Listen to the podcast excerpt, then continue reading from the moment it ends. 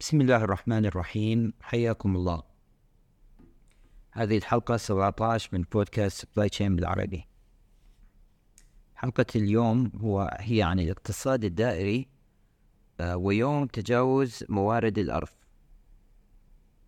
الاقتصاد الدائري أو ال circular economy هو نموذج اقتصادي الهدف الأساسي من عنده هو القضاء على التبذير واستدامة الموارد الطبيعية اللي, تستهلك في إنتاج البضاعة.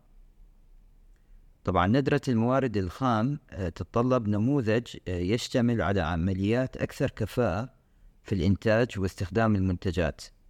آه، نموذج الأعمال الدائري هو مصمم لزيادة عمر المنتج والاستفادة من الطاقة الفائضة للمنتجات المتوفرة بهدف تقليل النفايات والوصول إلى نموذج أعمال أكثر استدامة على المدى البعيد.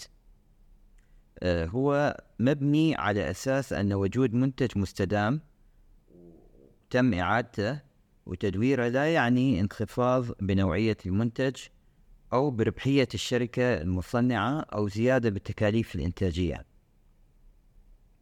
آه، مثال على هذا هو مثل النفايات الإلكترونية.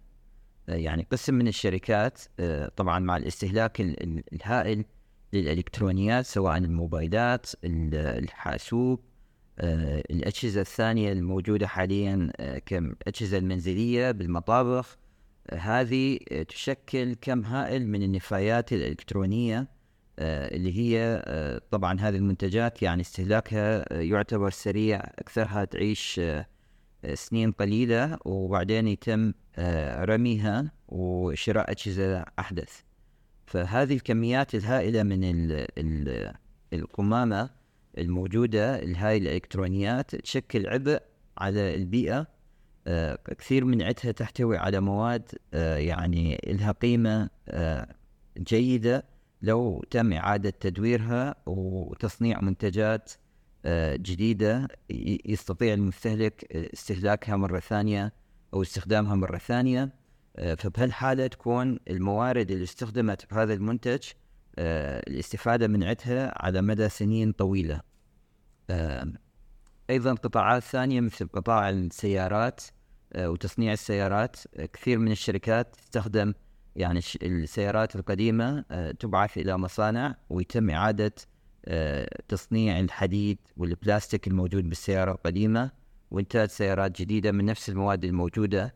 وطبعا هذا يقلل من الطلب على المواد الخام اللي هي تأثر على البيئة وتأثر على آه، قابلية الإنتاج هذه المواد الخام. آه، لو كان الاستهلاك دائما آه، هو للمنتج جديد فقط وما يوجد إعادة تدوير للمنتجات المستهلكة.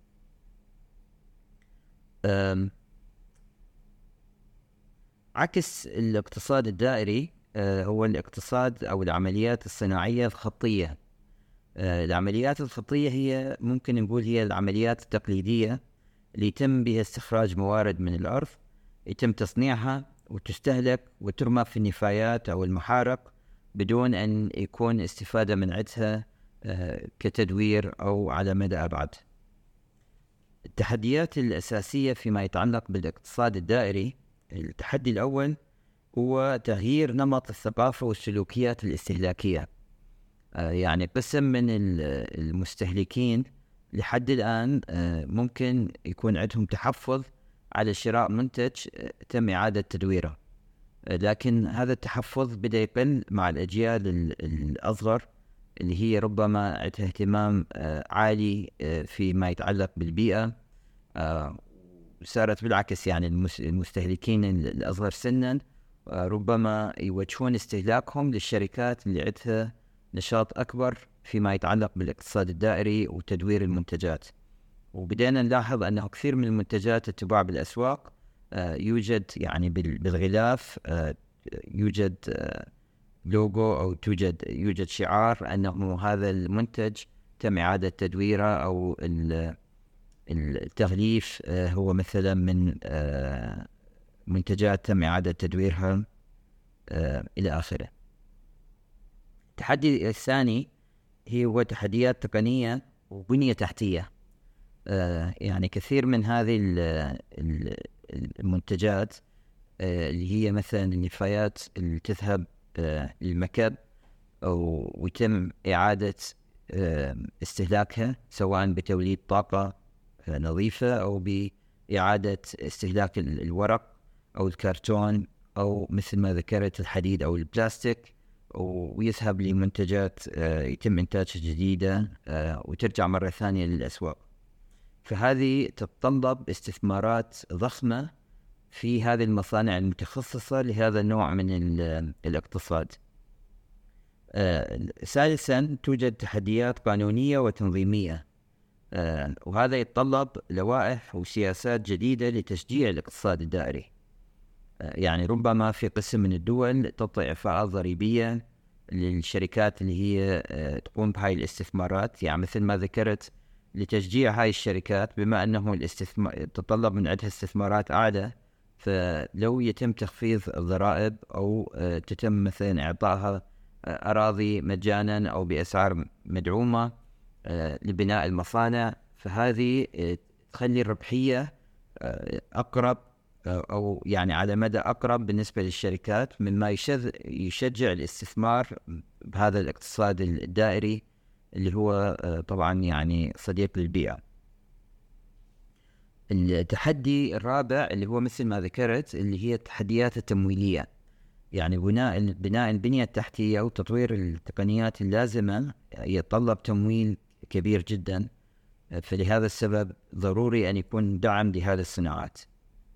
آه، بس بنفس الوقت توجد فرص آه، للاقتصاد الدائري آه، الفرص الأولى الأولى الفرصة الأولى هو توفير فرص عمل جديدة في قطاعات مثل إعادة التدوير وتحسين عمليات الاستدامة الأرقام كثيرة. يعني قسم من التقارير تقول أنه ممكن عشرات الملايين من الوظائف يتم استحداثها لو كانت في آه، استثمارات أكثر في الاقتصاد الدائري.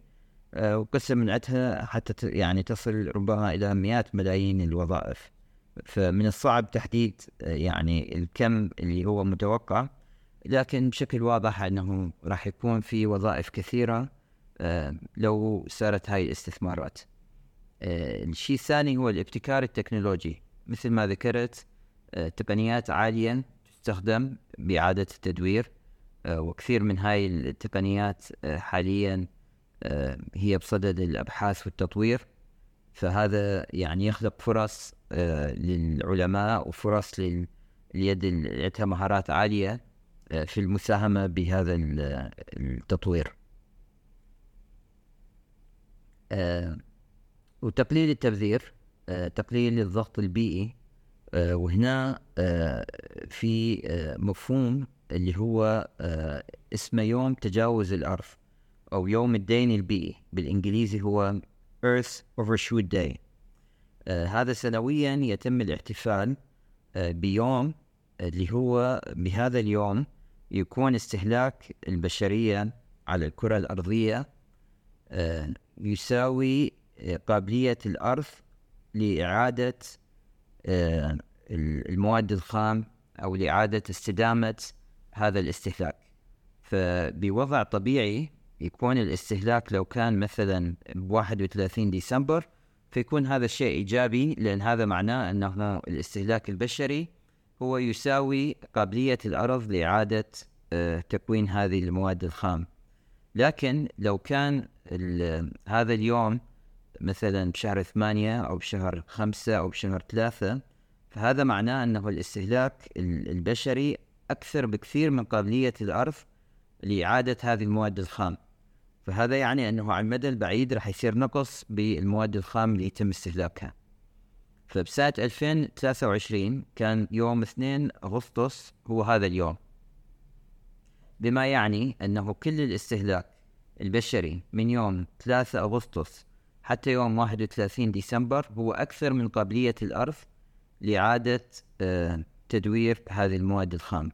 وهنا نتكلم سواء عن ثاني أكسيد الكربون عن المواد الخام اللي يتم استخدامها عن يعني قابلية الأرض بشكل عام لإعادة تدويرها. يوجد موقع بالإنترنت اللي هو overshootday.org بتفاصيل أكثر عن هذه القضية. وأيضا من الأشياء الجيدة في هذا الموقع أنه يظهر كل دولة على حدة يمتى يومها بهذه السنة. فنشوف قسم من الدول يعني اليوم تجاوز الأرض عندها بشهر ديسمبر فمعناها أنه هذه الدولة تستهلك مواردها مواردها بشكل آه، يعني في ترشيد وهي قريبة على يوم 31 ديسمبر اللي هو اليوم المثالي اللي معناه أنه الأرض آه، تستطيع أن تجدد آه، نفسها في هذا اليوم. وبنفس الوقت نوجد قسم من الدول اللي هي توصل هذا اليوم فبراير وبمارش وبشهر ثلاثة. فهذا يعني أنه هاي الدول تصرف أربع أضعاف آه، قابلية الأرض آه، لإعادة تدوير نفسها. آه، فإذا يعني المسألة هي جدا مهمة وهو أحد المؤشرات المفروض تتبعها.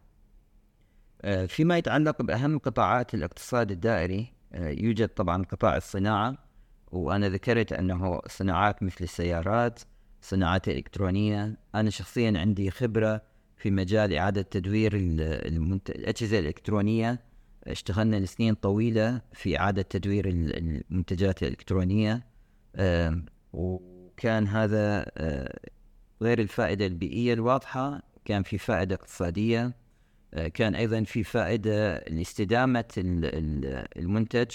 يعني في بعض الأحيان من تصير حالات مثل كوفيد أو فيضانات في مكان ما آه، لو كانت الشركة عندها شبكة من مراكز إعادة التدوير للمنتجات فهذا يعطيها فرصة أن تحافظ على حصتها السوقية حتى بحالة الأزمات اللي هو المنتج الجديد يكون غير متوفر بالوقت المطلوب.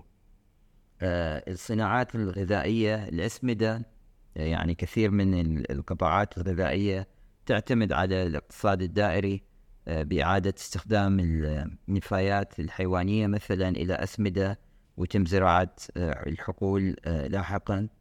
قطاع النقل قطاع التأجير يعني بالفترة الأخيرة حتى بدأت قسم من الشركات في الغرب يبدون بنظام تأجير الملابس. فيعني الشخص يشترك في موقع ما ويطلب الملابس لمدة أسبوع أو بضعة أيام. تخلص المناسبة اللي هو راد يستخدم ملابس يرجعها للشركة يتم تنظيفها وإعادة استخدامها مع آه، عميل آخر. أيضا بدينا نلاحظ سوق إيجار السيارات اللي هي يعني سابقا كان إيجار السيارات بالأيام حاليا في شركات بأكثر الدول تأجر السيارة لمدة ساعات. فهذا يعني يعطي فرصة للمستهلك اللي هو مثلا نهاية الأسبوع يريد يقوم بعمليات تسويق ويتطلب أن يكون عنده سيارة أن يأجرها فقط لساعات معينة بدل ما يشتري السيارة بشكل آه، مباشر. آه، وهذا طبعا يقلل عدد السيارات بالشارع يقلل التلوث ويقلل الاستهلاك الألمنيوم والحديد. لأنه سيارة واحدة راح يتم استهلاكها من عبر عدة آه، عملاء. قطاع الخدمات البيئية تكلمنا عنه وقطاع التصليح وإعادة التدوير. فهذه كلها قطاعات راح تستفيد بشكل مباشر من آه، الاقتصاد الدائري. منظمة العمل العالمية تتوقع مثل ما ذكرت أنه ملايين الوظائف ممكن أن تخلق وهذه الوظائف أكثرها تكون ذات رواتب جيدة وتتطلب آه، شهادات آه، عالية نسبيا آه، لهذه الوظائف الموجودة في قطاع التدوير.